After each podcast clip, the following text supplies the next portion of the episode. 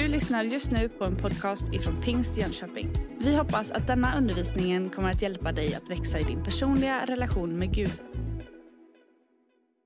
Du lyssnar nu till en fortsättning på den poddserie vi spelade in i Pingst Jönköping utifrån den apostoliska trosbekännelsen. Och idag så ligger fokus på Jesus Kristus och påståenden som ryms i följande del av trosbekännelsen. Vi tror och på Jesus Kristus, hans enfödde son, vår Herre, vilken är avlad av den helige Ande, född av jungfrun Maria. Jesus han är central i kristen tro och genom historien har många försökt att förstå honom, förklara honom och placera in honom mellan koordinater av tid och evighet, mänsklighet och gudomlighet, mellan det som är specifikt och det som är universellt och försökt att besvara frågan kring hur en händelse som ägde rum på en specifik plats i en specifik tid kan ha betydelse för alla människor i alla tider. I kyrkans tidiga historia, framför allt under kyrkofädernas tid, så brottades man med frågan om Jesu identitet och betydelse. Och vid slutet av 400-talet var majoriteten av kyrkan överens om och beslutade att den enda möjliga vägen att beskriva Jesus var genom det som har kommit att betecknas som de två naturerna. Detta har sedan kommit att bli klassisk kristendom att förklara Jesu signifikans inom konceptet av inkarnationen och läran om Kristi två naturer, den gudomliga och den mänskliga. Vilket också ryms i den här delen av trosbekännelsen som kortfattat påstår att Jesus han var både mänsklig, han var Marias son och gudomlig, Guds son. Och sättet som han blev Guds son var genom den helige Ande eller sättet som han blev Marias son var genom den helige Ande. Jesus Kristus är Gud inkarnerad. Och vad betyder då det? Ja, men om vi börjar med Jesu mänsklighet, det är punkt ett här idag. Evangelierna de visar tydligt att snickarprofeten från Nasaret i Galileen, han var sant mänsklig. Hans mor var människa, han utvecklades från barn till vuxen, som alla andra. Han hade en människokropp och kunde känna hunger och törst. Han blev trött och behövde vila. Han kände ångest, kärlek och han brast i gråt. Han talade också om glädje och visade medkänsla. Men han hade inte bara en människokropp och känslor utan också en ande. Han umgicks med sin himmelska far och sökte sig regelbundet upp bland bergen för att be i ensamhet. Jesus, han var människa. För det andra då, så ska vi titta lite på Jesu jungfrufödsel. Trosbekännelsen anger också ursprunget till Jesu mänskliga natur, nämligen avlad av den helige Ande, född av jungfru Maria. Egentligen så är jungfrufödelse ett olyckligt ord och det betonar födelsen som var normal i sig själv. Det övernaturliga i det här fallet handlar om hur han kom till, alltså genom den helige Ande, medan hans mor förblev jungfru. Denna skildring beskrivs både i Matteus och Lukas som ger en saklig skildring över hur det går till. De är oberoende av varandra och kompletterar varandra på olika sätt. Matteus han berättar Josefs historia och Lukas mer Marias. Lukas han återger ängelns budskap till Maria med orden Helige ande ska komma över dig och den högstes kraft ska vila över dig.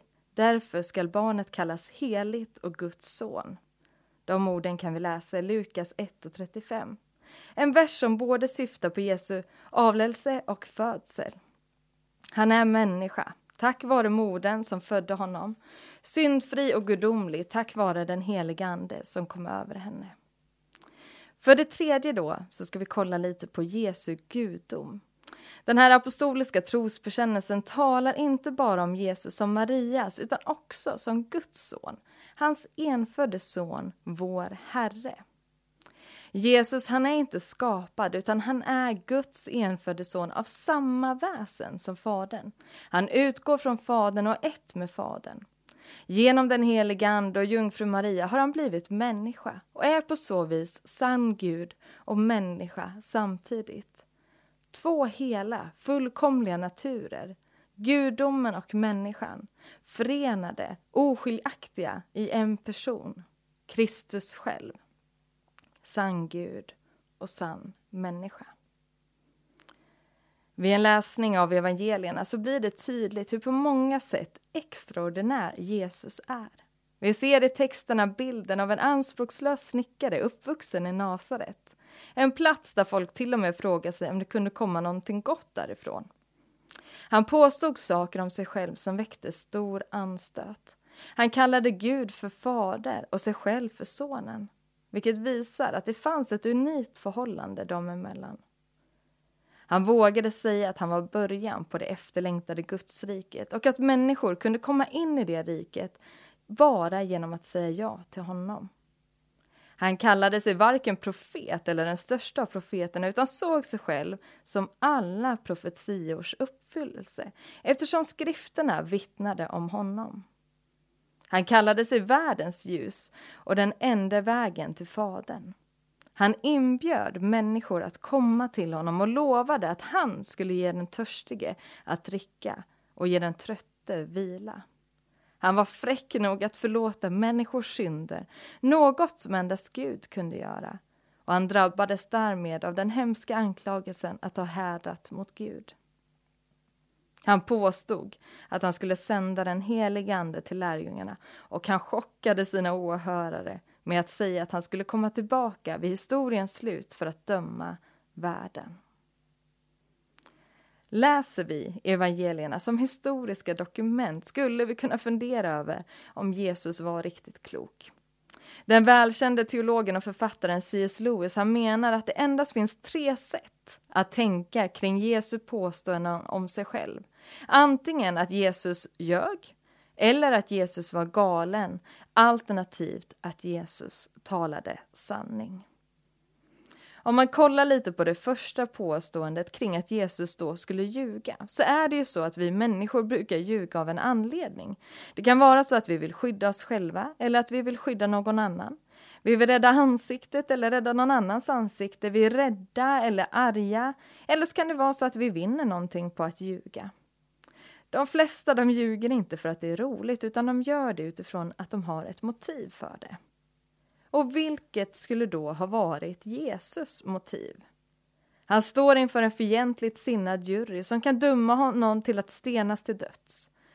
Vad som är ännu värre är att de kan överlämna honom till romarna. Utan romers medborgarskap väntar enbart mycket plågsamma sätt att dö. I värsta fall kan romarna döma honom till en död som tar flera dagar att lida igenom. Och allt det här vet Jesus. Så vilket skulle vara hans motiv? Om han själv visste att han inte var den levande Gudens son, varför då ljuga om det inför någon som kan orsaka honom lidande och död om han skulle svara ja? Jag kan inte komma på ett enda motiv för den teorin, inte under de förutsättningarna som Jesus mötte. Alltså kvarstår då att Jesus verkligen trodde att han var Gud inkarnerad men vad sänker man då om det var så att han var galen? Jo, men då finns det ju också ett antal problem med den teorin. De som är galna brukar inte resonera med den iskalla logik och briljans som Jesus ger prov på flera gånger när hans fiender försöker lägga snaror i hans väg. Eller agera på det sätt som han gör i mötet med människor. Av de som levde nära honom betraktades han inte heller som galen. Han var inte igenkänd på det sättet. Och galen-teorin förklarar inte varför vi har en tom grav. För det har vi. De fakta, dessa fakta håller skeptikerna, de mest pålästa, med om än idag. Att det stämmer att Jesus fick en begravning. Att det stämmer att hans grav påträffades tom ett par dagar efter begravningen och att de inte har kunnat hitta någon tillfredsställande förklaring till hur Jesu kropp försvann, utom att Gud uppväckte honom från de döda. Det stämmer också att Jesu lärjungar var med om någonting strax efter episoden med den tomma graven som radikalt förändrade dem. De var övertygade om att de hade mött en uppstående Jesus och fick därför en helt ny frimodighet, villiga att riskera fängelse och avrättning. Därmed så kvarstår det här påståendet om att Jesus talar sanning, att han är den han påstår sig vara. Något som har övertygat miljoner människor ut över våran värld. Något annat som är fantastiskt att upptäcka vid en läsning av evangelierna är att det inte finns någon motsättning mellan hans liv och lära. Tvärtom verkar han vara den han sa sig att vara. Han trodde sig vara Gud, ändå beter han sig ofta som han ingenting var. Han kallade sig Guds son, men tog ändå på sig tjänarkläder och tvättade lärjungarnas fötter. Deras herre hade blivit deras tjänare. Dessutom så blev han god vän med människor som samhället såg ner på. Han åt med dem och in som ingen ville äta med. Han välkomnade prostituerade och vidrörde de oberörbara. Han utgav sig i osjälvisk tjänst för andra. Och sen underkastade han sig en orättvis arrestering, rättegång och fällande dom. Han gjorde inga ansatser till motstånd när han hånades, piskades, bespottades och korsfästes. Han bad till och med att Gud skulle förlåta dem som plågade honom. Summan av allt detta blir en oerhörd paradox. Jesus var på många sätt självcentrerad i sina ord men absolut osjälvisk i sina handlingar. Han lät stolt, men han var ödmjuk. I sin undervisning framhöll han sig själv, men i sin tjänst glömde han bort sig själv och sökte bara Faderns vilja och människors bästa. Den här kombinationen av egocentricitet och ödmjukhet saknar motstycke i världshistorien. Och den enda förklaringen är att Jesus från Nasaret var och är Guds son. Och uppståndelsen stärker den uppfattningen. I Kolosserbrevet 1 och 15 står det att Jesus, om Jesus att han är den osynliga Gudens avbild. Han möjliggör för oss att se hurdan Gud är. En annan teolog som heter Ramsey han sa att innebörden av bekännelsen att Jesus är Herre innebär inte bara att Jesus är gudomlig utan även att Gud är Kristuslik. Att tala om Gud utan att relatera till Jesus Kristus som person eller hans verk blir därför i kristen tradition och lära inte möjligt. Han är alldeles central och avgörande för kristen tro. I Johannes 14 och 9 kan vi läsa Jesu egna ord där han säger att den som har sett mig har sett Fadern. Konciliet i Chalcedon 451 markerar ett landmärke i formandet av kristen teologi som sedan blev bärande framåt. Det var där och då, efter långa diskussioner kring hur förhållandet mellan Fadern, Sonen och Anden såg ut och skulle förstås, om Jesus var född eller skapad, som man till slut fastslog tvånatursläran och bekände Jesus Kristus som Herre, men också perfekt i sin gudomlighet och sin mänsklighet.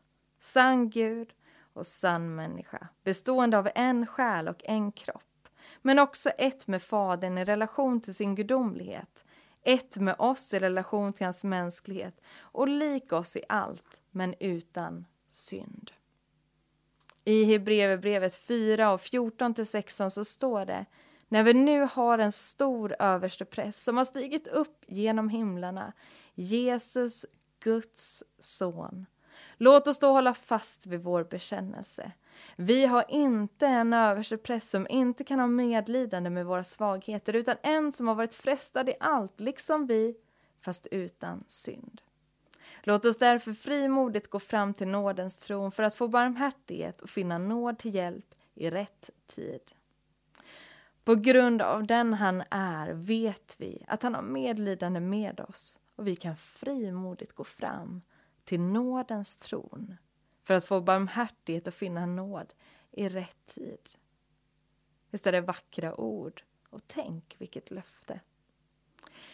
I Romarbrevet 1 och 3-4 så skriver Paulus evangeliet handlar om hans son som till sin mänskliga natur är född av Davids ett och som genom helighetens ande med kraft har bevisats vara Guds son efter uppståndelsen från de döda, Jesus Kristus, vår Herre.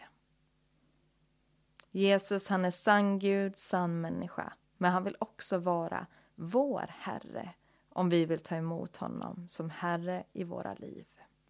Amen. Du har just lyssnat på en podcast ifrån Pingst Jönköping.